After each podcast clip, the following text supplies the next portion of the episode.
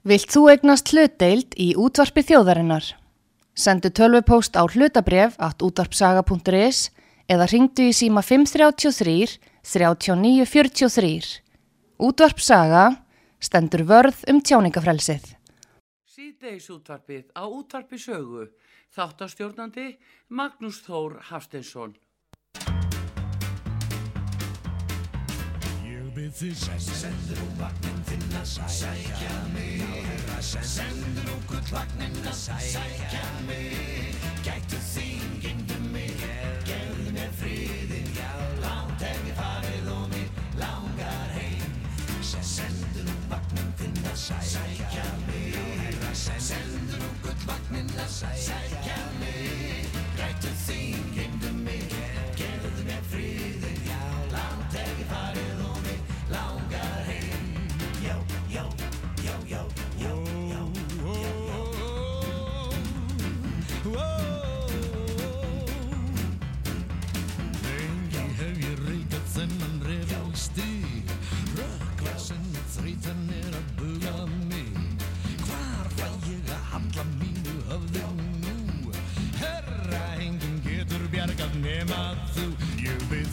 Sendur um vagnin þinn að sækja mig Sendur um gutt vagnin að sækja mig Gætu þín, gemdu mig Gefðu mér friðin Langt hef ég farið og mig langar heim Já, já, já, já, já, já, já, já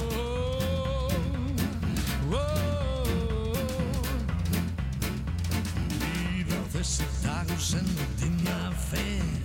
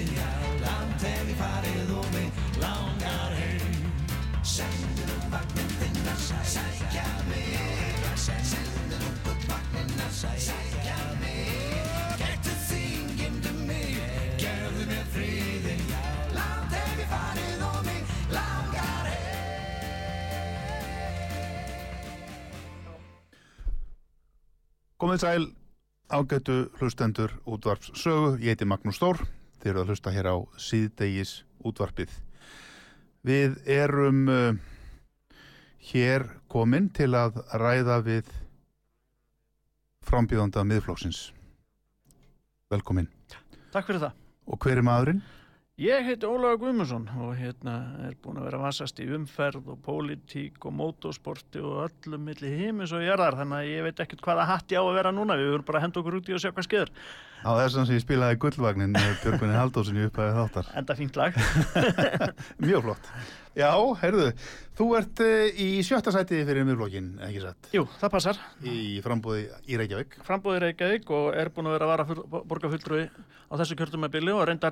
eiginlega hendi ég mér út í pólitíkina og þar, þar síðastu kjörtumabili og hérna e, til þess að koma umferðamálum og samgöngumálum og umferðarverki á, á dagskrá inn í pólitíkina og, og þegar maður lítur tilbaka núna þá er ég bara nokkur ánaði með hvernig til hafi tekist vegna þess að þetta eru aðal kostningamáli núna, það eru samgöngur og umferðarverki þannig að ég er búin að ná 95% af þeim áragri sem ég ætlaði mér að ná fyrir Já. 12 ára síðan Leifðu hlustundum aðeins að heyra þá, sagt, að hvaða leiti hefur þú komið að umfræðmálum? Hvernig hefur þú starfað að sko, samgöngumálum? Já, já, ég er búin að vera, sko, ég er náttúrulega rættaður á motorsportinu og, og hérna, tók þátt í að koma því á lækjarnir hérna og er búin að vera með bíladeill al- alveg frá því ég var krakki og reyndar á mótuhjólun líka en þetta er svona byrjar í kringum motorsporti sem að leiði mann áfram, lífið er stundu svo skrítið alveg eins og politíkin, sko, Já. einhvern veginn dettur bara úr einu í annað og, og eh, síðan hérna einhvern tíman í kringum eh, 2000 fór ég að skipta með meira og meira umferðarmálum og umferðar örgismálum að því mér blöskraði það sem var bara í gangi hérna í umferðinni og Mm. og reynslan á motorsportinu eh, þjónaði manni vel þannig að maður kynntist fullt af fólki erlendis eh, í tengslu við umferðaröryggi og svo þegar ég fór að dæma í Formule 1 á sínum tíma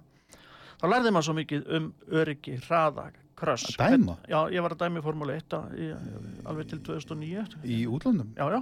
Já, já. Ég, þegar ég fór að taka þetta saman var ég búin að dæma einhvern 60 keppnum, þar að 10 í Formule 1. En það er eitthvað besti skóli sem ég hef komist í, þannig að Aha. það er eiginlega það sem letti mig í þetta vegna þess að svo mikið af umferðarörygginu verður til í Formule 1 og í motorsporti. Bílbelti til dæmis er ættað á motorsporti. Krassvæð, gruppsvæð á bílum, þetta er allt Já. sem hann ættað á motorsporti og að því við tölum um Formule 1 að Michael Schumacher, hann var í nefnd fyrir alþjóða bílasambandi til þess að efla umferðaröryggi á heimsvísu Mm og eiginlega kveikana því að ég fór að skipta mér aðeins að vit, einhverju viti var það að ég var á ráðstefn út í, út í London um umferðarmál og þar var ræðum að Gróharleim Brundtland Fyrirverandi fórsetisráðherra. fórsetisrára Norex og var þá að taka við sem frangotastjóri hú, því. Já, þegar að einmitt var verið að taka umferðaröryggi sem heilbriðsvandamál Já. og var gert heils, heimsátak sem að Ísland meðal þess að þáttakandi í. En hún sagði svolítið sem að sló mig og þetta er 2004 þá sagði Grá Harlem á þessari ráðstefnu markkóparnir í umferðingismálum er ekki bílstjórar. Það er ekki fólkið út í umferðinni eru stjórnmálamenn og fjölmjölafólk og ég fór að byrja hvað er hún að menna og svo skýrði hún það út. Jú, það gerist ekkert í umferðingismálunum að höfum stjórnmálamennina með. Þeir eru með peningana, þeir eru með stefnuna þeir búa til lögin, þeir búa til eh, hérna, áróðurinn og allt það sem við gerum, við komumst ekkert áfram nema að hafa þá með á vagninum. Já. og við hver eru þeir rættir? Mm fjölmjölafólk þannig að hún sagði við verðum að hafa þá með. Og ég hugsaði til Íslands einmitt þarna hver á Íslandi var í pólitíkin eitthvað að hugsa um, um, nei, um hérna, akstur og umferð. Já. og það var enginn, ég gæti ekki láta mig detti í hugnafn á þingi sem var eitthvað að pæla í þessu. Og ekki heldur í fjölmjölunum en, uh, en þetta var eiginlega kveikjana því að ég fór að attast í þessu. Og þegar ég kom heim að þá byrjaði ég að böggast í, í pólitíkusum. Já. Og það voru nokkur ágætti menn sem kiftu þetta og fóru að vinna í þessu og þeim fyrir alltaf fjölgandi og, og, og sem að hérna eru í, í stjórnmálum. Og sama var með fjölmælana, alltaf sömu fjölmælarnir sem fóru þá að fjalla meir og meir um þetta. Þannig að þess vegna sagði ég nú að ég sé búin að ná árangri. Að þetta er orðið núna, eitt af aðalkostningamálunum Já.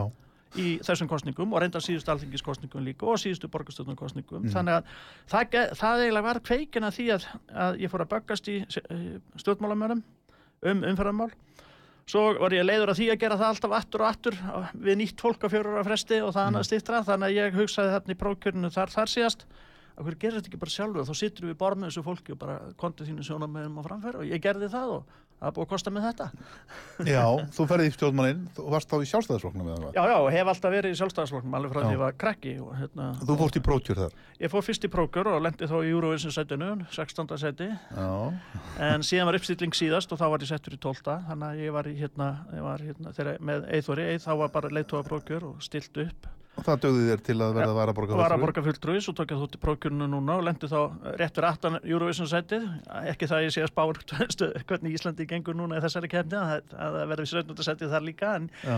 ég hafnaði 17. seti í prókjörnu og, hérna, og, og ætla nú bara að taka því en, en síðan axlaðist það þannig að ég var ekki settur á lis- listan þannig að mér bauðst síðan að taka sjötta seti í miðloknum og, og hvort átti ég að vera í engu seti á sjálfstæðarfloknum eða e, taka þátt í, í hérna, kostningabaratunum núna í sjötta seti í miðfloknum og ég bara valdi það. Já. Já, þannig að þú getur haldið áfram að Ég held að þetta Tala snýst um, fyrir já, ég, það er kannski og- vandamáli við, við mig, sko, ég er ekki svona atvinnupolítikus bara til þess að fá kaupið mitt, ég er með málstað og ég ætla að berjast fyrir honum. Mhm. og það er kannski eitt af því sem að gera það að verkum að hérna, bæða ég hef náða árangri og sumir eru fúlir út í mig og finnst ég leiðilegur og frekkur og allt það, það er vegna að ég er með málstað og Já. ég geng eftir honum en- og engu öðru. mm Og þú brennur fyrst og fremst fyrir þá samgöngumálin í heils- Samgöngumálin, umferðaröryggi fyrst og fremst, við erum að tapa að fæ- fá að sem gerir sig grein fyrir því hvað umferðarslýsin er stór þáttur hér þetta er sennilega, þetta er með stæðstu eh, liðum hjá ungu fólki sem, að, sem lætur lífið Mhm. ótíma bara döðsvöld, en við erum að tapa kringum 200 manns á ári látnum og alveglega slösuðum Já, og það er ekkert að lagast, það er búið að vera kringum 200 ár eftir ár já. og þetta gerist bara án þess að menn sé að pæli því Eh, nú ætlum ég bara að spyrja þig, hvað dóu margir umferðarslýsum í fyrra? Þú manst, Ég- þú man, fólk ég mann það ekki, það ekki. Já, það er ekki Þessum bara tölum þú. er ekkert haldið á lofti Nei, en hvað slösust margir veist, Ég hef ekki ennþá hugmynd síður? um um en þetta er stæðsti, stæðsti uh, liðurinn í því sem að fólk slasast eða, eða lætur lífið ótímabært er í umferðinni. Já. Mér er sem nú nýbúið með COVID og það er sennilega fleiri búin að e, e, hérna, e, missa helsu alvarlega á þessum tveimur eða þreimur COVID árum í umferðinu heldur, heldur en í COVID Já, og það er reynsla frá öðrum þjóðum líka. Er þetta á heimsvísu vera, er í öð, þriðja sæti yfir ótímabær döðsfull mannkins, bara Mm. yfir höfuð. Komið fram úr AIDS, malaríu, öllu þessu dóti, það eru umferðarslis og við lítum alla á þetta sem helbreyðsandamál. en nei En er ekki umferðarslýsin öðrum þræði vegna þess að umferðin er einfallega orðin svo mikil Ekki bara, það er ekki bara það, en auðvitað spilar þetta allt saman saman. En á sama tíma hafa bílarnir náttúrulega batnað þeir náttúrulega orðin miklu örgari heldur en þeir voru Það er ástæðan fyrir því að banaslýsum hefur fækkað en alveglegum slýsum fjölgað. Það er vegna þess að lifa fleiri af að því bílarnir er að venda Já. fólk betur. en fólk, já, en verður samt fyrir Verður samt fyrir miklum skada. Já, Þannig að já. hérna, já, það er alveg rétt og hérna, en það er ábúslið þróun í gangi sem er með tölvuvæðing og tæknivæðing bíla. Já, Það eru konið alls svona radarar og infraröðinemar og bílar eru fannir að bremsa sjálfur og það, því er spáð, heyri ég elendis, að innan örfára ára þá verða bílar nánast krass frýir. Það er ekki hægt að lendi slísum að þeir gríp inn í. já, tölvurna gríp inn í og stjórnkerfin er alltaf að verða betri og betri. E, og umferðamannvirkinu er, að er betri og betri og það er alveg hægt að gera eitthvað í þessu. Nú erum við ekkert óalega gamlir eða þannig en þegar ég, ég var lítill að þá voru heilu skipsafnir að farast okkur einasta Já, ári í já. og ég held að þegar ég var tveggjara þá dóu Mm. 60 manns í já, í dag, við erum konið nýri null já, já. Við erum að fá hvert árað að fætur öðru þar sem að engin sjóslýs og það Nei. þýðir bara það að við getum gert eitthvað í málinu ef við virkilega leggjum Ég það er í að bæta náttúrulega við spara, spara orðið miklu betri skipin og stærri og Já, við erum með þyrlur og flotgalla þyrlur og gerði a- alveg kraftaverk. hefur gert kraftaverk, ekki spurning. Þannig að þetta er hérna- hægt þetta er og við gerum þetta í fluginu, akkur gerum við þetta ekki umferðin líka? Mhm. Þetta er bara verkefni. Já, einmitt. En þú ert, já, í pólitík, í stjórnmálum og Mhm. það er víst af nægu að taka. Í þeim öfnum varðandi samgöngumálin, Jú, jú, byrjum á sundabrautinni. að nú er nú, Já, og sundabrautin er jafnguml og, og, hérna og ég sennilega já, ég hugsa það. Já, það er búið að tala um þetta í minnst okkur 50 ár þannig að hérna, að það er ágætt að byrja á henni en, en uh, það er það er orðið mikil hörmunga saga hún ætti að vera löngu komin náttúrulega en ég held að kalda stærendin svo að núverandi meiri hluti og, og með Dagbjörn Ekesson borgarstjóra í broti fylkingar er búin markvist að því að reyna að íta henni til hliðar. Já, og e, þurfum ekki að fara langt það, það er búið að tala um ytri leið og innri leið og brú og göng og það er já, að útiloka. Nánast allir kostir sem hafa verið talið vanlegastir mm, skipula sér vildi reyka við koma þá í vekk fyrir hann.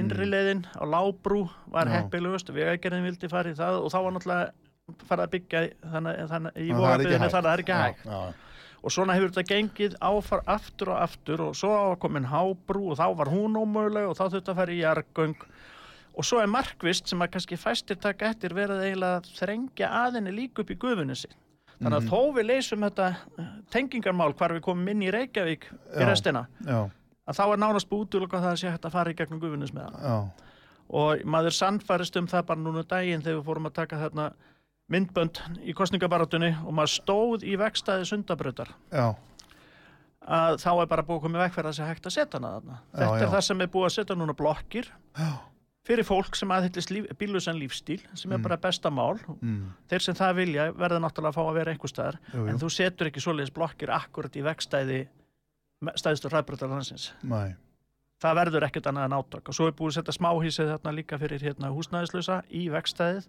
kartublugarð fyrir bílusa fólki mhm, allt sem hann ágætis og eðlileg aðgerð en að setja það akkurat í vegstæði sundabröndar er náttúrulega komið í veg fyrir hann og það verður stríð þegar loksins emmin ætla að fara að leggja hana þarna þá verða átök já, við þetta fólk sem er komið þarna núna já, um það að fá að leggja hana. Þannig að ég er farin að eiginlega hallast að því að uh, sundabrönd eins og við höfum verið að horfa á hana hingað til er að verða ómöguleg. Þannig að þú telur kannski að þessi meiri hluti þá, hann vilji eiginlega ekki þessa svolítið Það, já, ég er bara komin á þá skoðun. Að, að það er alveg sama hvað hefur verið reynd og hvaða samninga hefur verið skrifað undir og hvað hefur verið sagt. 2006 sagði e, David Björgesson sundabrönd í forgang. 2012 gerðan samningum að, fresta öllum framkvæmdum og setja allt framkvæmda fyrir í strætó Eitt af þeim, ein af þeim framkvæmdi sem var fresta var náttúrulega mikla brönd í stokk og það var e, fullt af gatna framkvæmdi sem átt að fara í og sundabrönd Já, þá var hún sett á ís til tíu ára. Þau tíu ár er að líða núna já, og við erum engu nær. Nei, þannig að það er að verða 20 ár já, sem að, eh, sem að, hérna, sem að eh, hérna, dagur sem hérna fórustu, mannum þessar borgarstunum hefur ekki gert nokkuð skapaðan hlut annað en að koma í vekk fyrir sundabröð þannig að ég er hættur að trúa því þó að það sé farið að segja núna hérna á strætóskjúlunum klárum þetta og sundabröð á að koma og sundabröð í, og miklabröð í stokk og alltaf sömu loforðin en e, það er ekki farið að móka með einni teskið fyrir þessum framkvæmdum en þannig að þetta þetta er óbúslega skrítið því að ég fenn nú mikið þessa leið sem sagt og af því að ég býð upp á Akranissi mm -hmm. þá veit ég alveg hvernig þetta er. Og, og uh, þetta er náttúrulega gríðarlega mengun og óþægindi og tafir og tímaðisla og bara nefndu það sem fylgir því að vera alltaf að beina þessari traffík þarna upp í gegnum Mósfjörnsbæin Mhm. gegnum öll þessi endalösu ringtorg ég taldi það einhvern tíman að þegar verður búið að gera nýja Vesturlandsvegin með núverandi fyrirkomulagi og uh, að þá þar myndu þurfa að fara eitthvað ríflega 30 sinnum í gegnum ringtorg á leiðinni frá Akranesi til Reykjavíkur og aftur tilbaka. Og bættu svo við umfæðlega þetta verður, verður heimsmet já, já, í ringtorgum og sjálfsagt umfraljósum líka. Já. þetta er náttúrulega bara tómt bara gargandi, veinandi rugl. Já, og það er kannski svolítið kjarni málsins. Við, e, þegar við tvöföldum Reykjanesbötin á sínu tíma, já, þá gerðum við þetta ágætlega. Við Mm. hérna byggum til mislægatnamót, já, já, byggum bara til flæði byggum til flæði og hún er í fríu flæði. Það er fyrsti áfangin af uh, Reykjanesbötinni. já, já, Svo komu næstu áfangar eins og upp í Leifstöð. mm, Þá náttúrulega vildum, tímdum við ekki og settum hérna, settum ringtorg. Vesturlandsvegurinn, hann er 2 pluss 2 vegur. Já. Þegar þú býr til 2 pluss 2 veg, mm, þá þarftu mislega gatnamót. Það er Mm. partur af mannverkinu. Mm. Þetta er bara nákvæmlega eins og við erum hér í stúdíói. Mm, Þið búið til stúdíó hérna og setja hérna alls konar græjur og mixera og dót. En ætla svo sleppa mikrofónunum. já Það tilherir útsendingum að hafa mikrofónu ekki sett. það er bara nöðsynlegt Það er sama með hérna 2 pluss 2 vegi. já, Þeir þurfa misla gatnamót. En við reynum alls konar lausnir eins og ringtork og ljós og, og þessu undarlegu vinstri beigjur yfir tveggjagrina vegi eins og upp við sandskeið og, hérna, og núna milli hver að gera svo selfos í staðin fyrir að setja bara strax misla gatnamót. Nú er verið að tala um Suðurlandsveg, tvöföldun Suðurlandsvegar frá hátegismóum upp að geitálsi. Og þá að halda ringtorkunum. Við getum alveg sleppt veginu vegna þess að ringtorkin eru vandamáli þar. já, Við verðum að setja misla gatnamótar. Þannig að, hérna, að eh, það er einhvern veginn komið þessi frestunar árátta í okkur að klára aldrei neitt. Reykjanesböti, við byrjuðum á henni, tvöfaldan árið 2000, hún er ennþá hálfkláruð. já, Við vorum að setja smá bút inn í hafnafyrði og laga hana þar. Við eigum eftir að klára hana fram hjá álverinu. mm, Við eigum eftir að klára hana upp í lefstöð til þess að hún verði alvöru hraðbrödd Já. eins og sambarlega götur. Ég var að kera frá Ka- Kastrup, mm, bara um jólinn, inn í. Kaupmannöfn og hvað er þar? Reykjanesbötin er svona á að vera. Tvöföld, misla gatnamót 110 í hraða örgin allt í fína lagi, ekkert slitið malbygg engar Nei. hólur, hvíta línur allstaðar, allt tipp topp þetta gerum við ekki hér, við þurfum að fara að haga okkur svona eins og aðra þjóðir í vegagerð. Við myndum aldrei leifa okkur þetta í flugvallargerð að vera með hálfkláraða flugvelli. Nei nei, nei, nei, að hérna, og, og það er sama með skipin. Við myndum aldrei leifa okkur að vera með bryggjur sem er ekki með þeim öryggistækjum Mm. og því sem þarf að vera þegar þú býr til bryggju. Þannig að miðflokkum viljið fara í, í sundabrautina eða hafi verið bara drifið í því að Já. keira það í gang. Bæði sundabrautina og öll hitt, allt hitt sem Já, er já, í já, En, en sundabrautin klárlega, hún, sko, það þarf að undirbúna, það er að gera ráð fyrir henni, það má fara að byrja á henni, en hún fylgir svolítið byggðinni, þetta tengir skipulasmálum. Í mínum huga, þá þurfum við ekki sundabraut nöðsynlega fyrr en við fyrir að byggja í Geldinganesi og Álsnesi og það. já, já, sko Þá, þá, þá er komin full þar fyrir hana. Það En væri- það tekur tíma, þannig að við ætlum að fara að byggja í Geldinganesi eftir tíu ár, þá þurfum við að fara að byrja á sundabraut núna. Sko ég spyr, af hverju í dauðanum er ekki búið bara skipulegja Gjaldinganes eða af hverju er ekki búið að leggja veg út í Gjaldinganes af hverju er ekki byrjað að byggja þar jafnvel það tekur nokkur ár Mm þetta er frábært byggingaland hefur þú komið út í Já, Gjaldinganes? já, ég býð þarna rétt hjá og það Já. er búið að segja þetta lengi en það er ekki að stefnusgrá hérna er meiruluta það er svo fallegt þau segja bara að þetta sé eitthvað rókraskat og er sé ekki bara hægt að þetta, þetta sé falla búandi, þetta er bara kjaftaði Það er bara þetta Bara rugl. síðasta stóra suðurhlíðin og Kjeldnalandið Já, sem Þetta að er er í suður. stórkostlega fallegt útsýnið, þú hefði alla E7 og sérði við flóan og sérði borgina og bara nefndu það. Reykjavík er borginu við sundin. Sama, eh, hérna, hérna, sama með Stokkólm, það eru Já. eigjar og sund þar. Já, og hvað gerðu þeir í Stokkólmi? Þeir byggðu öllum eigunum og, og, hérna, og borgin er ekkert annað en litlir hólma að sjálfsögðu eigum að byggja í Geldinganissi og við hefum jafnvel að byggja á hluta við þegar þar var 300 mann þorp á sínum tíma já, og af hverju ekki að vera með bíllöst þorp til dæmis út í við þeir er segna. þess vegna sko það- og það bara getur verið litla, li, lítinn rammarsögn eða lesta út á brú. já, bara, eða eitthvað, bara litla og ferju þess vegna, og bara. og sama með Geldinganissi og síðan Álsnesið og, og eigarnar hérna fyrir utan, þetta er allt hægt. Við erum með löngusker, það hefur oft verið rætt um að fara með flugvellin þangað. Jú, jú. og þar náttúrulega væri hægt líka að vera með byggð Já, Það gera aðrar Það borgir. er hægt að gera svona, já, minna, það er ekki smálaði sem búið að fylla hér upp landfyllingar bara í Reykjavík, sérðu bara grandan. Grandin, er, grandin voru tveir ein- Þetta er bara landfylling. Já, þetta er ekkert með landfylling, þetta voru tvö sker Já, já. En- þannig að hérna það vantar svolítið þessa heildarsýn og þá kemur hitt varandi samgöngurnar að það hefur alltaf það, stóra vandimálið á höfuborgarsvæðinu það að þetta voru fimm eða sex sveitafélög Mhm. Reykjavík,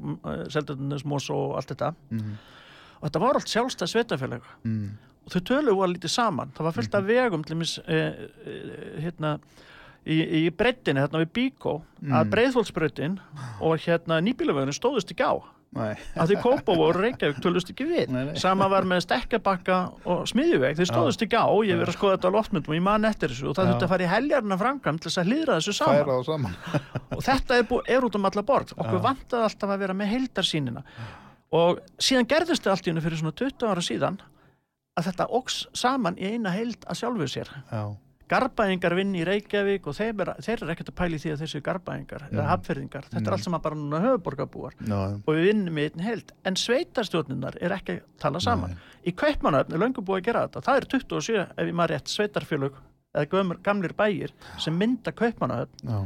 en þeir bara eru með hverfaráð í þessum sveita, sveitarfélög Já, og einn borgarstjóra sem bara heldur utan Þetta verður búið að sameina þetta allt fyrir ætti að vera búið að sameina þetta allt undir til dæmis eins og sambandi sveitafélaga á höfuborgarsvæðinu sem er til. Mm. og þetta er vandamáli í skipulismálum við höfum talað ekki bara um sundabraut heldur líka ofanbyðaveg Mhm. en Hafnafjörður er búin að byggja Setbergi þvert yfir það. Mhm. Kópó er búin að loka fyrir það upp í Vassenda Mhm. Garðabær er að loka fyrir það upp í Jöriðaholti Mhm. þannig að við erum nánast að útiloka ofanbyðaveg Já. en Kaupmannahöfn er með tvo ofanbyðavegi í kringum Mm. sinn miðkjarna af því þeir hugsuðu fyrir þessu allan tíman já. og þeir ofanbyðavegir hjá þeim eru með engur hringtorkum, allt saman mislagt miklum hraða, fullt af bílum en svo minkar bílaumferðin þegar þú kemur innar í borgina Já. og endar svo niður á strikinu í engri bílaumferð eða því sem næst þannig að Akkurat. Það verður að horfa á þetta heilstætt þetta hefur vanta hér, við erum langt mjótt nes Já. og höfum enga hring, hringbraut. En það var hugsun fyrir þessu hérna einu sinni þegar hringbrautin var gerð. Gamla hringbrautin hjá Já. landsbytalan hún Já. átti að vera, þess vegna heitur hún hringbraut hún Já. átti að vera frá þar sem hún liggur núna, framhjá landsbytalanum og niður snorrabrautina og síðan eh, sæ, sæbrautina. Já, já. það er upphaflega hringbrautin það átti alltaf að vera innri hringurinn Akkurat. þannig að menn í gamla daga voru að hugsa þetta kringu 1930-40 sko. Já. svo komu, komu menn í kringu 60 og tóku plássið undir miklubrautina Já. og svo töluðum menn um ofinbæðaveg og síðan kom Reykjanesbrautin inn í þetta en það vanta alltaf að klára það við Já. enn og aftur, við klárum aldrei nokkuð skapaðan hlut þegar kemur að skipulasmálum eða, eða við að gera en það sérðu hvernig allt höfuborgarsvæðið er bútasömmur, hitt og þetta hérðan og þann, turn hér lábygg þar þetta er allt í einu hrærigröð sem reyndar er ákveðin rómans líka þetta er eitt að sér þetta er eitt að hérna, sem útlendingar sem koma að hinga þeir eru óbúslega hrifnir að ykkur Reykjavík er fjölbreytt engin hús eins, allt málað í skræbótun litum og ég veit ekki hvað, og hvað. Það er líka þrúðlingar sem segja bara þessi borg er bara með þeim ljótustu sem ég séð. Þarna komum við að, komum við að fyrirbrið sem heitir smekkur. þannig að hérna, en, en það þurfa allir að hafa sinns smekk Já, já, já, að sjálfsögðu. Og sína skoðanir líka. Já, já. Það er bara fínt. Um, já, samgöngumálin, sundabrautin, borgarlínan, hvar fórstu með það? hvað er að taka, Borgarlína? það er eða heilum þætti bara í það. Já, það hægt að eða heilum þætti í borgarlínuna en sko þetta kom út í, eh, í mínum huga mikið og yngstræti Já, borgarlínan er hugtak, hvað er borgarlínan? Það veit Mm. nákvæmlega, ekki nokkuð ég, maður ég var nú á netinu Þetta- í morgun og var að skoða það einmitt sko. Það er nú til vefur sem heitir borgarlínan.is. Já, já, og það er til í Danmörku, þess að við förum aftur þangað Ég hor- hort mikið og farið mikið og skoða borgir í Evrópu, hvernig eru þær að fungara í umferð, almenni samgöngum og öllu þessu. Mhm. Og í Kaupmannöf, svo við vísum þær aftur til, þar er engar umferðarteppur eða sára litlar. Það er engar hraðahindranir, það er búið að taka þær allar. Þeir stýra sem er miklu betur umferðarljósum heldur en við gerum, snjallýsingu- snjallljósum sem að lesa umferðina. Já, Það er strætó og það er enda metro og hérna lestir líka. En, en mikið á reyðhjólum já, já, og fullt af reyðhjólum. og Þannig kannski allir samgöngumáttar og þeir lifa saman í sátt og samlindi. Mhm. Ekki, engin stór vandamál. Það er engin agnúast út í hjóla mennskunni í kaupina. En, en hjólamenn þar er partur af umfyrin og fara eftir reglum. Mm. Í Danmörku er allir að vera með ljós á hjólunum. Það er þúsund krónu sekt ef þú kveikir eftir ekki með ljós á hjólunu, danskar, sem er 20 skall, þetta mm -hmm. peningur, og það er notað. Það, þú átt að hjóla hægra megin á götu og ef það er hjólastígu báðum með í götuna þá hjóla megin hægra megin í aðra áttan og koma svo hinn átt- og hinn áttuna líka hægra megin á móti. Aha. Menn er ekki einum graut eins og hér. Já, Þannig að það er, það er menning, hjólamenning þar og gagvart bílunum og svo almenningssangöngunum og þegar maður fyrir að skoða almenningssangöngunar í Danmörku þá e, er þetta strætisvagnar, mjög gott strætisvagnkerfi og það stendur á þeim sitt í land, borgarlínum. Já, en þetta er bara strætó sem keirir í umferð, það er engin sérrimi, nánast engin sérrimi þetta er bara venjulegur strætó sem heitir borgarlína eða sitt í land. Munurinn á strætó þar og strætó hér er tíðnin aha, þeir eru á mjög, koma mjög ört Já. þegar þú tök, ert til kaupmann að maður lappar út á strætóstoppustöðum maður pælir ekki einu sinni í leðatöflunni það bara kemur vagn eftir 5 mínútur. Já, það er tíðnin sem skiptir máli. Hér eru kortir 20 mínútur jafnvel hálftíma á milli. Þannig að þú ert að skipuleika þannig að ferðalagi verður langt. Uh, strætón í Danmörku keiri bara í venjulegri umferð og það sé til þess að umferðin öll fungeri þá þarf ekki sérreinar nei, að því umferðin bara virkar þeir stoppa aldrei út í umferðinu það er alltaf strætóstoppistöðar til að hleypa farþegum inn og út til þess að trubla ekki bílaumferðina mhm, þannig að, og ég hef talað við mennina sem að stýra umferðinni í Kaupmannöfn og ég spurði þá, er einhver með forgang við ykkur? Er þið með eitthvað forgang fyrir gangandi eða hjólandi eða er strætó með eitthvað forgang? Nei, er engin með forgang. Eh, Motto hjá okkur er að minka tafatíma allra. mhm, Það eina sem fær forgang við Kaupmannöfn er seitt strætó. Þá lengja er græna tíman á ljósunum og það er, uh, þeir nota uh, farsímakerfið og app sem er hérna sem að talar við strætókerfið sem síðan talar við ljósastýringakerfið þannig að ef að vagnin er á eftir áallun mm, þá fer ljósastýringakerfið að hjálpa honum til þess að ná aftur tíma. já, já, Það er eini í forgangunum sem er í Danmörkunni, nánast engar sérreinar og þetta gengur eins og smurðvél. Já. Og ég leitaði umferðarteppum þarna þegar ég var þarna í jólinu, ég fann það bara ekki. nei, Það er koma aðeins á mótnana en ekkert sem að er í líkingu við það sem er hér. nei, Þannig að þetta snýst um það bara að, að keira upp tíðnina og það sem að og, og, og hafa tíðnina góða, þetta snýst um tíðn og verð og ég, það var síðasta til að Víktísar Haugstóttur á, í borgarstjórn, núna bara í síðustu viku Já.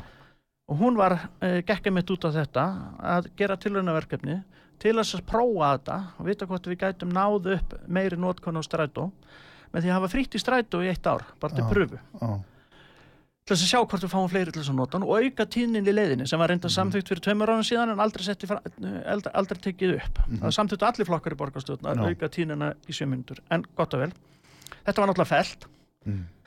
þetta hefði kostaði 1,5 til 2 miljardar að fyrir að sveitafélaginu höfuborgarsvæðina hafa frítt í strætó í eitt ár. Já, en ef, að, ef við hefðum gert það og að notkun strætó hefði ekkert aukist eða lítið aukist heldur þá að aukist eitthvað þá eðum 200 miljardum í borgarlínu? Það er mhm, þannig að við gætum fyrir 1,5-2 miljardar komið staði hvort við þurfum einhverja borgarlínu já, eða hvort spörum ekki þann pening og setjum hann í eitthvað annað. Mhm, e, það var líka að tala um það í samgöngusáttmálunum að undirbúa göngu, borgarlínu það var ekki gengið lengra en það en það var fullt af hlutum sem var, er í samgöngusáttmálunum sem ekkert hefur verið gert í eins og að setja mislega gatnum út á Ardanisveg setja mislega gatnum út á bústæðaveg Reykjanesbrödd mhm, eitt af því sem átt að gera samkvæmt sáttmálunum var að skipta um ljósastýringakerfi strax. Mhm, það er að vera þrjú ár síðan. Já, það er ekkert búið að gera í, ekki neitt. Nei, þannig að uh, ég er farin að horfa svolítið á það líka að samgöngusáttmálin hann er ekki að gera sig. Við erum konin langt á eftir í framkvæmdum. Það er ekkert búið að gera þessum aðalaturinn sem eru í honum og þannig að ég vil gætnan bara virkja sjöndugrinna sem er endur skoðan ákvæði. Ég vil ekki setjast niður og skoða þetta upp á nýtt? Já. við fengum reyndar hlut sem að heitna, setja þetta aðeins úr skorðan sem heitir COVID. Mhm, það í sér ætti að vera nót til þess að setja aðeins niður ef við ekki skoða málið upp á nýtt. Mhm, og erum á réttri leið. En það er eins og borgarlínuverkefni sé bara á sjálfstýringu. Já, það er teiknað og teiknað sem búið að eða hátt í 1,7 miljardum í það. Já. það er ekki búið að gera neitt, það er bara búið að búið til glærur og skýslur Og þið eruð á móti borgarlínu.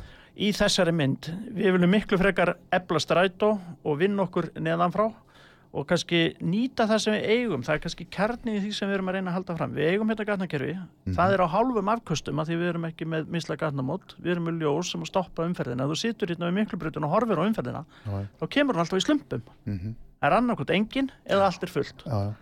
svo kemur engin og svo er allt fullt. Mm Miklabrautin er í sjálfu sér í svona eh, fjör- 50-60% af afkastagetu. Já, Ef hún væri í mislægu, þá myndi hún Mm. taka tvöfalt með fleiri bíla heldur en hún gerir í dag. já. Og til viðbóta kemur það að þá eru bílarnar á hreyfingu og þá mengaði miklu minna heldur en því að standa kjurir í lausagangi. Þannig að ég vil eiginlega vinna okkur neðanfrá, nýtum það sem við eigum í botn og förum ekki að byggja mikið fyrir við sjáum fram á að við getum ekki meir. Uh, Notkun strætó núna er 4%, það er búið að eða 10 miljardum og síðustu 10 árum, ég reyna að ebla það upp í 8% og helst 12%, mm það er ennþá 4%. já, Þannig að er 10 miljardar farnir og engin árangur. nei. Þess vegna vil ég eða einum og halvun til 2 miljardum í að koma staði hvort það sé með einhverju móti og það eina sem við eigum eftir það er að hafa frítt í strætó í eitt ár, auka tíðnina og ef það ekki dugar nú þá þurfum við bara að endur skoða öll þessi almenningssengangna mál algjörlega upp og nýtt og ég held að það verði reyndin með því að fara að kaupa frekar nýri eh, hérna, eh, sjálfkerrandi rammagsvagna, minni. Það er það sem aðra borgir eru að gera. Þeir eru að minka strætó, Já, hafa minni vagna meiri tíðni.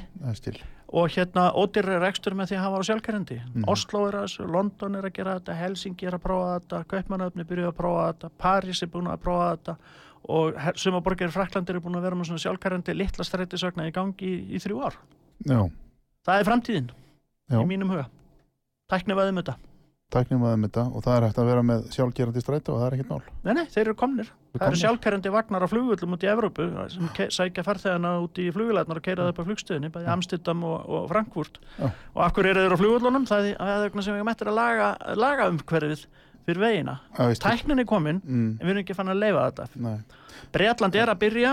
Nevada í bandaríkjónum er fyrsta fylki að ríki bandaríkjana sem er búið að lögleiða sjálfkerrandi bíla það er allir trukka á rútuframleiðendur í dag að prófa sjálfkerrandi rútur í Nevada í bandaríkjónum en, þeir megi ekki gera það í Þýskalandi Já, Ólafur Káur Guðmundsson er hjá okkur hér, eh, frambjóðandi á lista miðflokksins í Reykjavík í sjöttu sæti, búin að vera varaborgarfullur núna í eitt kjörþjóðanbíl, ekki Já. satt? Já.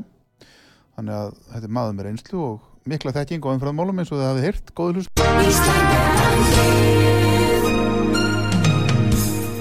Styrtareikningur útvarpsögu í Íslandsbanka á Granda. Útubú 513, höfubók 26, reikningur 2.11.11. Nánari upplýsingar á útvarpsaga.is. Takk fyrir stöðningin. Við þurfum að taka smá auglýsingalí en koma aftur og eftir.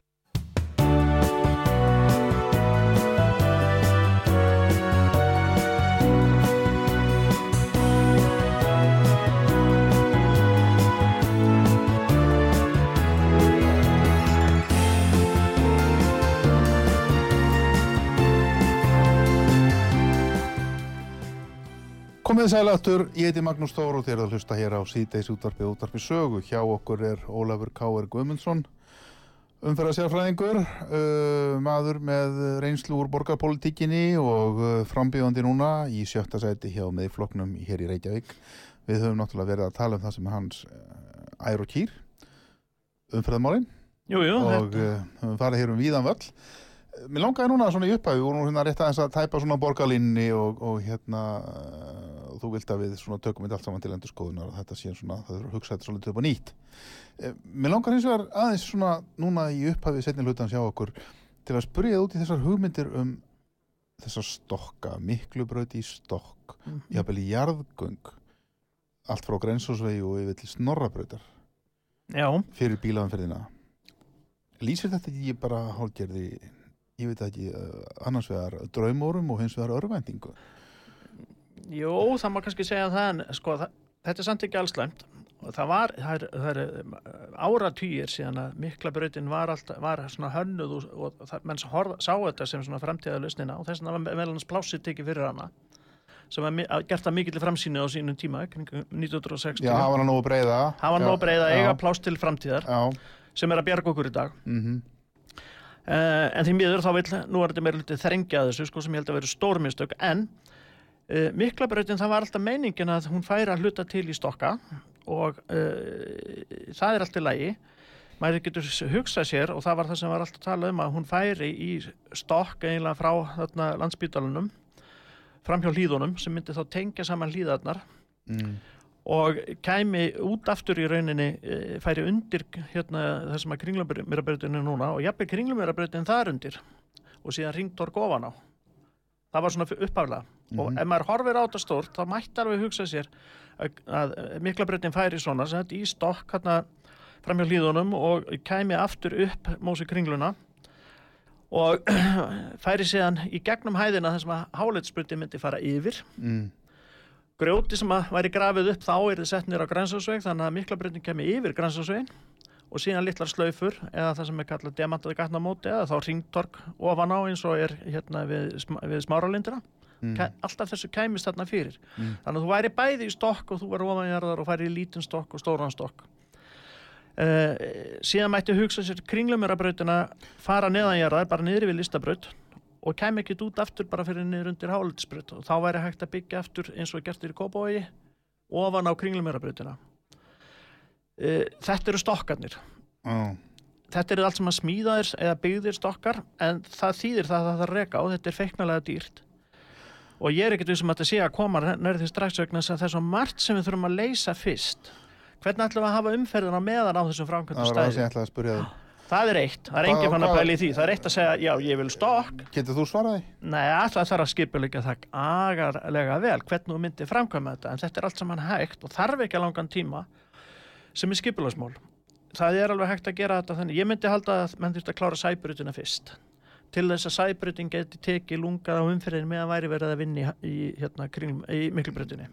Og þetta fara með einhverja stokka þarna, þetta þyrfti náttúrulega að vera mjög breyður og þetta er gríðarlega mikil mannvirki. Já, já, það feiknarleg er mannvirki. óbáslega gröft, uh, það er náttúrulega fullt af lögnum Já, í jörðu, þetta er mjög ætla- gríðarlega flókin framkvæm. Ég er aðeins búin að kíkja á það. Allar stóru lagnir Reykjavíkur Já, eru undir miklabrutinni. Við erum að tala um stóru skolplagnirnar, aðal rammarskapallin er aðna. aha, uh, vasslagnirnar, allar þessar stóru lagnir allt internetið og símakerfið og allt þetta er meira og minna þarna niðri Taugakerfi og æðakerfi er þarna. taugakerfið og æða, þetta er heljarinn að lækninga aðgerð sko, Já, hérna, já. að, að grafa sér í kringum þetta og fá, fá öll kerfin hér til þess að virka á Ég meðan held að þetta sé bara ekki hægt. það er jæðrað við það Já.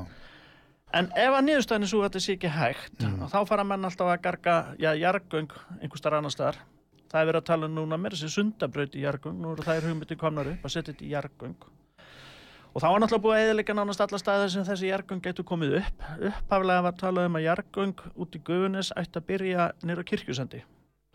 Það er búið að eðilega það. Mm, e, það er eiginlega hvergi orðin staður til þess að koma upp. Kannski út í lauganissi ennþá já, sem þau gætu komið upp. Já, En jargöng er held ég líka nánast ómöguleg hérna á Reykjavíkusæðinu. Af hverju heitir Reykjavík Reykjavík? mm, Það er heitt þarna nýri. Já, Þetta er hverasvæði. Mhm. Þetta er láhittasvæði. já, Við erum með opna hveri í laugadalnum mhm, sem segir okkur það að þegar við erum konin nokkra tíu metra niður í jörðina þá erum við komin í hitta, mikinn hitta. mhm, Og ekki bara hitta, heldur vatn, mhm, sjó.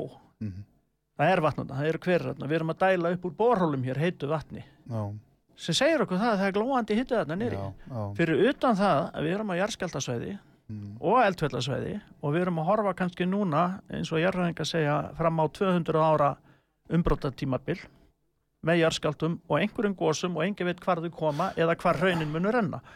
Þannig að Svo- svo- Ég er svartsýnn svo- á þetta, sko. Já, svo, svo er líka eitt sko, hann har verið að tala líka um jarðgöng, jafnvel sko, talað hér um jarðgöng frá Grensós uh, og alveg yfir í yfir að Snorrabraut. Mm þess að jarðgöng náttúrulega stundir sko bara lungan af höfuborgarsvæðinu sem að segja.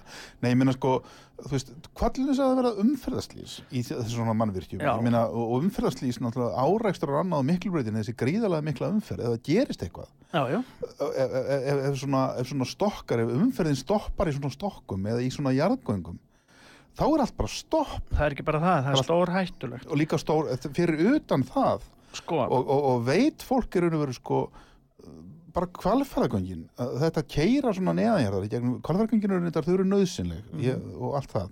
En það er, það er alveg hundleiðilegt að keira í gegnum þau, þau eru ömuleg og þar fyrir utan, þá er bara hættan í þessum jargöngum okkar, það er nú eitt sem að ég eh, tók þátt í að gera, það er að gera öryggisútökt á jargöngunum hérna. 2010 gerðum við úttekt á, og komið þýskir sérfræðingar hérna sem Já. tóku út jargöng á 26 jargöng það ár í Evrópu, Já, flestum löndum Evrópu.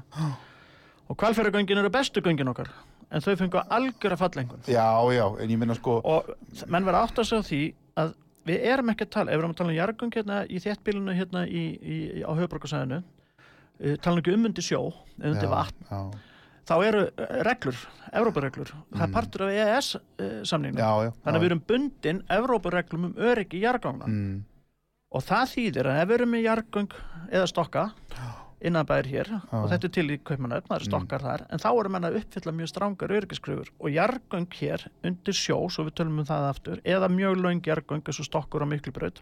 Mm, þá erum við að tala um þrenn göng. Já, göng fyrir umfyrirna sitt ykkur áttina og svo Mm. þjónustu og björgunugöng á milli. Einmitt, einmitt, og lagnagöng. Einmitt. Við erum að tala um þrjú göng. Ermarsensgöngin eru þannig já, og þau voru nánast að ganga frá fjárhag bæði frakka og bretta þau voru svo dýr. já, já, en með gleyma líka re reksturinnum á þeim. Að ef þú ert með svona göng þá þýðir að það að þau eru með vöktun allan sólarhingin, já, allt áraðin kring. Þú ert með slökkvilið mm, á báðum endum mm, með mannskapinn gallaðan sko, tilbúin til að fara niður. Svo hefur ekki nema tvær, þrjá mínútur til þess að Mm. bregðast við ef eitthvað gerist í svona göngum. Þá var það já, slís já, og annað já. slíkt Þannig að, líka að þetta, við erum að tala um sko mannverki sem að er með heilt kerfi af fólki í kringum sig og vaktir allan sólarhingi. Við erum að tala um og tíu manna í vinnu við að reka þetta. er Hver er það að borga það? svo er annað líka sem þú tekur frá sko, þeim sem er að ferðast um á bílum og það er það að þú tekur frá því fólki ákveðin gæði sem mér finnst bara mjög mikilvæg Mhm. og það er það að þú fáir séð umhverfið í kringum þig að þú fáir litið í kringum þig og, og upplifaði raun og veru það umhverfið sem þú ert að fara í gegnum skiluru það er ekkit vola spennandi að skrýða honi eina hólu, gata einhver stað og koma svo upp á einhverjum allt öðrum stað. Þannig að séð, Já, já. þetta hefur ekkit verið í umræðinu finnst mér. Nei, nei, og ég ætla bara að játa það að hérna, að ég fór oft upp, á, upp, á, upp í borgarnes og upp á, upp á Akranes hérna á sínum tíma og hund litist alltaf kvalfyrðurinn, talnum um að veturna, maður tók út fyrir að kera þetta, svo komu göngin og maður var voðalega glaður. en kvalfyrðurinn er stórkostlega Ég fann að fara kvalfyrðin núna Já, þegar svo miklu fallegur og skemmtilega að fara er, þetta er kvalfyrðin. skemmtilegast og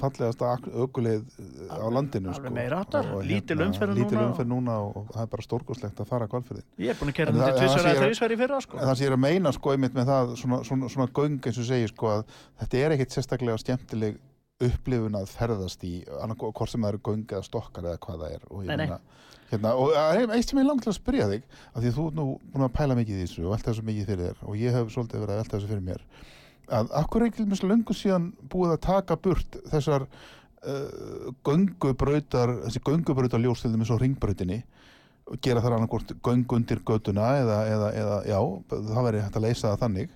Og eitt borgarhvöldur sem sagði hérna fólk vill ekki fara í svolítið göng. En ég meina ef það er ekkert annað sem stendur til bóða þá er ferður fólk að fara í gegnum þau göng hvort sem ég líka betur að vera Já, en, en svo er annað og það er hérna þessi stóru þungu gatnamót hér í Reykjavík á Miklubrautinni. Mhm, Kringlumýrabraut, Miklubraut Grensás, mhm, Miklubraut. Mhm. Akkur er ekki bara einfallega gerðir stokkar undir miklubrautina? Þannig að sko um, bílaumferðin sem er að koma til, miklu, er að koma til þess eftir, eftir kringlumerabrautinni hún fari bara undir miklubrautina í stokk og komi svo aftur upp hinnum einn skilur þú veist hvað ég meina? Já, já, er ég ekki mislaði gattamót með þessum slöifum heldur bara einfallega bara flæði þarna það, myndi, það, það, það er akkurat það sem ég var að tala um að náðan. Það er til nokkra útgáfur að því hvernig menn vildu gera miklu bröð kringlumurabröð og ég nefndi eina af þeim þarna áðan. Já, Og, en væri þetta ekki bara einföld og jú, jú, þetta dótir ger, laus og þetta er, þetta er gert í, í London, London er að gera þetta út um allt að taka Já. svona undirgöngu undir og setja það mjög gætna ringtorg á hana og það er einlega það sem ég var að tala um áðan en líst ég Aha. kannski ekki alveg nú vel. Já, Ef þú hugsaðir kringlumerabröð, miklubröð eins og er núna, þá mætti ég hugsa sér ringtorg sem er svona 2 metrum, 3 metrum herra heldur en landið er núna. já, Þar væri ringtorg. já, þar undir kemi miklabrautin þannig að hún væri ekkert mikið neðar heldur en hún er í dag en það væri hringt og ofan á henni. Og þetta þarf að vera mjög hátt þetta þarf að tekið rútur, stæðstu rútur ekkert meira og, heldur en það og þar fyrir neðan getur mm. kringlumerabrautin skotist undir þannig að Já. þeir sem að breytum stefnu já, þeir fara upp í ringtorkið já, allir En- sem er að fara beint áfram í báðum tilfellum. Þeir eru í fríu flæði og, þau, og En af hverju er þessu kasta? Er það, er það vegna þess að menn ha- hafa svona óbúslega mikið hatur á engabílum að, að hérna, þeir bara vilja ekki Já, bæði það og svo ætlum ég nú bara að segja það að ég, mín reynsla núna úr, úr, úr þessum meiri hluta sem búin er að vera núna það er bara bann orð að segja misla gatnamót þeir vilja ekki misla gatnamót. Já, það er kannski margir sko þegar sagt er misla gatnamót þá sjá kannski margir fyrir sér einhver ægileg mannvirki og það þurfa að rífa hellinga húsum og ég veit ekki hvað og hvað. En það, það þarf ekki. en það sem ég var að tala með náðan það er miklu einfaldar er Ég ætla bara að nefna lausnina sem var gerð hérna á Reykjanesbyrtinni e, Já. við smáralindina. Já, Ringdorg ofan á Reykjanesbyrtinni já, öllum fyrir gegna Ringdorgi nema Reykjanesbyrtin aha, þetta er, þetta er steift mannvirki það er hérna, þetta er mér sé fallet mannvirki það er mjög flott hönnun á því og það var lífgað upp á það með ljósum, mislitum ljósum. Og það eru mjög litli rampar upp í þetta ringdorg þetta tekur lítið pláss. Já.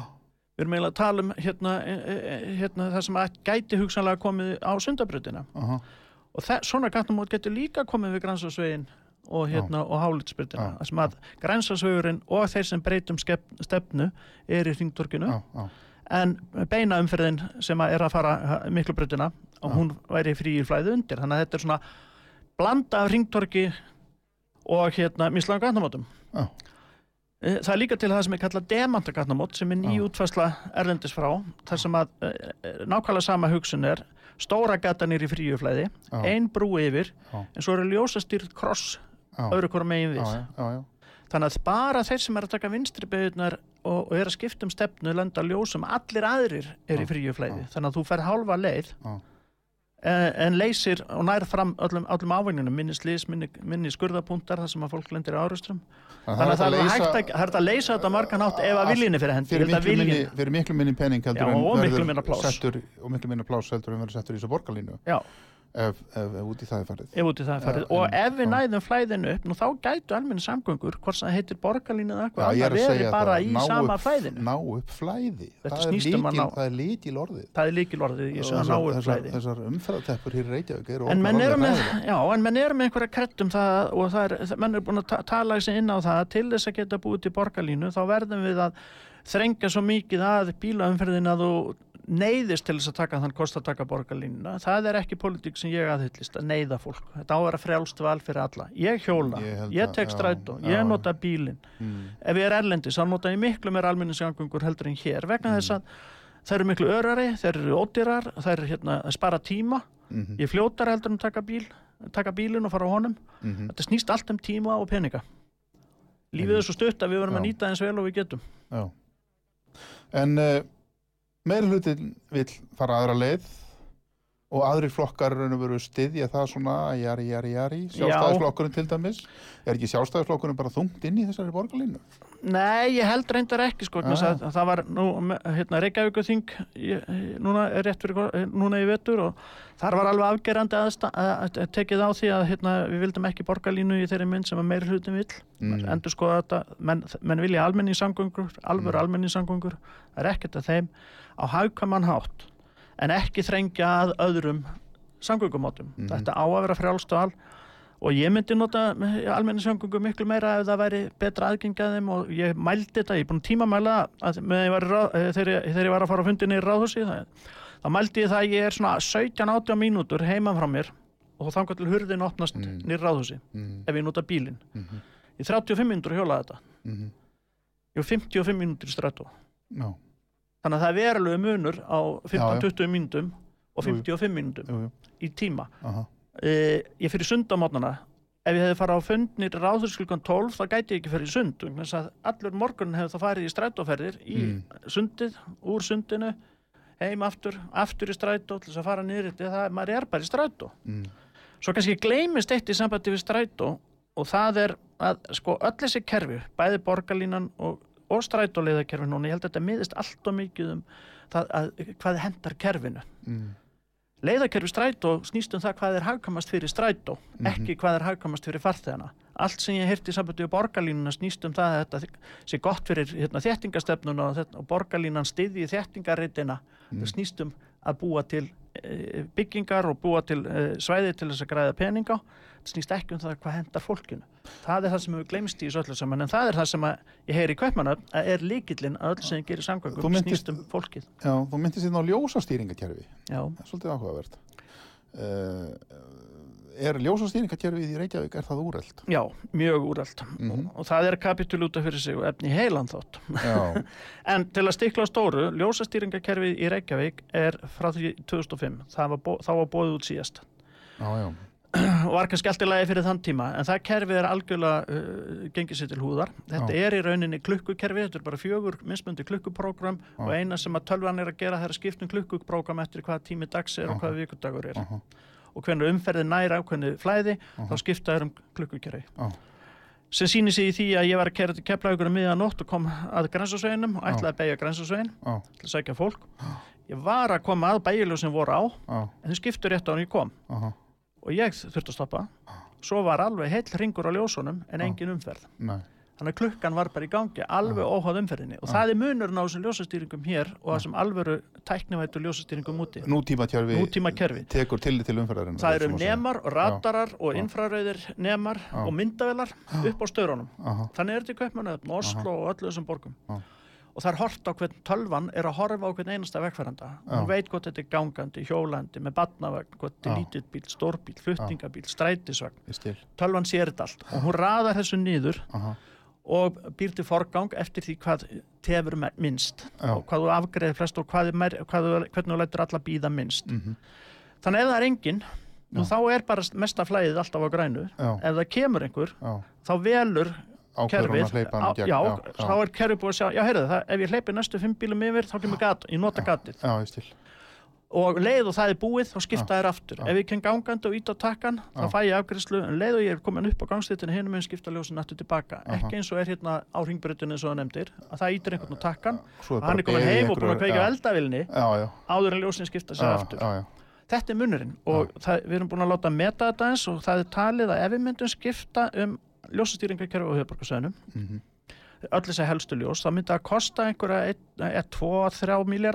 Að kosta einhverja 1-2-3 miljara að skipta öllu dótin út. Það myndi uh, minka það myndi auka ferðatíma allra bíla um 15% já, það myndi minka tafatíma þar sem að bílar standa kjurrir á rauðu ljósi um 50% og menga og mengun þar með. Já, já, og það myndi auka afkastakettu strætó um 20% Mhm. vegna að eins og í Kaupmannahöfn að þá, mm. ef að strætó er sett þá fær hann forgang. Já. þannig að strætó fær, mei, fær meira ávinning heldur en almennu umferðin. Mhm. Þetta myndi held ég leysa allar umferðarteppur í Reykjavík. Og það er það sem að hlutin vill ekki vegna þess að þá mingar þörfin fyrir sérrými og borgarlínu. Aha. það er kjarni málsins. Í mínum huga. Og ég er ekki bara að giska, ég er búin að sitja með þeim í fjögur ára og ég er búin að komast að þessari niðurstöðu. Hefur ekkert með pólitík að gera. Þetta er svona arða, svo litla arða af hilbyrðiskynsimi sem er ennþá í mér. Já, já, einmitt, það er nefnilega það. Já, já, við erum að vera og ég er, geit með þessu sko Nei, nei, já Þetta er hérna, við erum búin að fara hér um víðan völl áður en ég hleypið þér út af því tíminn ég sé að klukkan tifar um, Það er Reykjavíkulföllur Miðflokkurinn hefur einn flokka er óætt að segja verið mjög staðfastur í því að verja þennan flugvöll með kjafti og klóm Já, Hefur það eitthvað breyst? nei, það hefur ekkert breyst og Nei. frekar herðumst í því en hitt núna í ljósið Mhm. þess að, að við erum að fara inn í eldgósatímubil sem að ég held að nánast útiloki allara kosti Já, eins og staðin er núna ég held að bara kallt mat er það að við, ef það er rétt sem að ég held að sé rétt og ég Mm. trúi jarðfræðinguna þeir eru meira og minna sammála um það að við, og sagan segir okkur það að við erum líklegast að fara inn í 200 ára tímabil Umbrotatímabil. með, með gósum í nákvæmni við borgina og þá er hvassa vegna- hraun nánast út úr myndinni já, já. þannig að þá er sittur bara eftir keflauglugutur Mhm. og hann er mjög brottættur út frá gósum og öðru Og slíku talandi um þetta er mitt Það er svona enn ein röksemdin með sundabraut Já. því að hún er því flóttaleið út úr og borginni eiginlega allar, allar þessar götu sem við erum búin að og tala um myndi í flokkum. færa nýbyggingar á borgarsvæðinu lengra burt frá eldsumbróta svæðunum ef Já. við fáum hér Ef við gos fáum- eða hamfara gos ef við fáum hamra erum og í gleymið því ekki að það er genið þúsund árúm síðan er rann raun hérna í hér Reykjavík logaði allt stafn á milli já, hér logaði allt stafnan á milli já, já. Þannig að, Hérna, já, já. re- En svo gleym heldur ekki einu mm, að því við tölum um almannavarnir það er Mhm. þetta opna svæði sem Reykjavíkur flugvöllur er. Þetta, hann er söfnunarsvæði fyrir okkur ef hér gerðist eitthvað, hvert myndu íbúa Reykjavíkur flýja? mm, Laugadal, Fossúsdal, Reykjavíkur flugvöll mm, það eru söfnunarsvæðin, þar Mm. myndum við skipuleggja brottflutning hvort sem er af sjó eða lofti eða landi, Mm. það er að þessum opnu svæðum. Það er líka eitt sem gleymist með Reykjavíkur flugvöll uh, og það er framtíðin. Mm, flugið er að breytast Mhm. og afskaplega rætt Já. ef það er rétt og nú eru fyrstu rammasluglegarna komnar og það lítur út fyrir það að það sé ekki nema 10-15 ár að hér verði komnar rafknúnar flugvelar sem henda áskaplega vel fyrir þessu stuttu leiðir hér og við myndum kannski fara að taka aftur upp flug á Stikkisholm og hérna Blöndós og, og, og þetta með rafknúnum Suðandi og enginn tækja eftir þeim það eru svo hljóðlötar sko, það eru svo hljóðlötar, það er tækinginu það er þurra stittir í brautir þetta flugið er að breyta svo mikið já, já. og svo gleymið því ekki að bara samgöngu þarf okkar mannkins já. er líka breytast með allt í enn fyrir 5 samarum voru engar rafskútur. Nei, nei. Það er tvö ár síðan þau komu. Jú, jú. og þetta er að heldaka allt já, já. Það komu vespur. Og bestamál Já, og það er komið, núna, það er komið á self-horsi síndið með, það er komið hérna rafknúið yfirbyggt reyhjól bara að gera út á gödunum, þú veist hérna, þannig að maður er ekki einu svona út að hjóla í, í rigningu sko. Nei. Það er komið nýr samgöngum átt út í Evrópa sem er kallað mikrotransport. Aha og ef maður googlar það þá færði alveg ótrúlega flóru af alls konar nýjum tækjum léttum, einföldum, já, ganga á rammagni eða sólarorku eða Já. alls konar hlutum, þróun í samgöngum hefur aldrei verið eins mikil eins og núna nei, síðustu hundra árin. Já, og þá er bara ágætt að eiga þetta pláss sem að Reykjavík flugullir er bara til þess að, hérna, að, að koma inn í þá flóru. Mhm, En uh, svo hitt er að við erum ekki að flytja Reykjavík flugvöll. Við höfum aldrei getað byggt, byggt alþjóðarflugvöll. Allir stóru flugvöll okkar eru meira og minna byggðir af, af, af, af hérna, bandaríkjumönnum eða brettum. mm, Þannig að uh, við höfum nú ekki mik- ekki mikla reynsli að byggja alþjóðarflugvölli og með að við hvernig hægt við stöndum okkur í við að gera þá held ég að við ættum kannski að halda, halda okkur til hlés í því að fara að byggja mikið alþjóðarflugvöllum. Það veist hvernig gekk í, í Berlín með Brandenburgar flugvöllin, hann er búin að rónutaður í hvað 7-8 ára þegar svo mikið mála að koma flugstöðin í gang þannig að hérna eins og staðan er núna og eins og eh, hérna staðan í bara heimsmálunum er við gætum verið að fara inn í nýja kreppu það er stríði í gangi, við erum nýbúin í COVID það er ekki eins og ný búið. Nei, nei, við erum ekkert að fara í einhverja svona stórfenglegar hérna eh, framkvæmdir. Hugsaum um eins og aftur eins og ég sagði nýtum það sem við eigum eins og vel og við getum og sjáum svo bara til. Já. Ég held nefnilega að það sé svolítið til í því og, og hérna þess vegna hefur mér svolítið svona blöskrað mörg kostningalofurinn, menn láta eins og sé til bara til endalust til að penningum og þurfi ekki að huga að neinu eins og til dæmis þenslu áhrifum og öðru sko já, já, og við, og, í, eigum í mjög ótryggu efnagsástandi og, og, og, og skíin er að hrannast upp við sjóndildarringin Svo var ég nú að heyra hjá vegagerðinni, menn eru bara nú þegar konið vandræði með verktaka, við fáum ekki allir að byggja þetta. Nei, nákvæmlega Það er, er núna komin Já. að þólmörkum, Já. hvað það var þar. Já.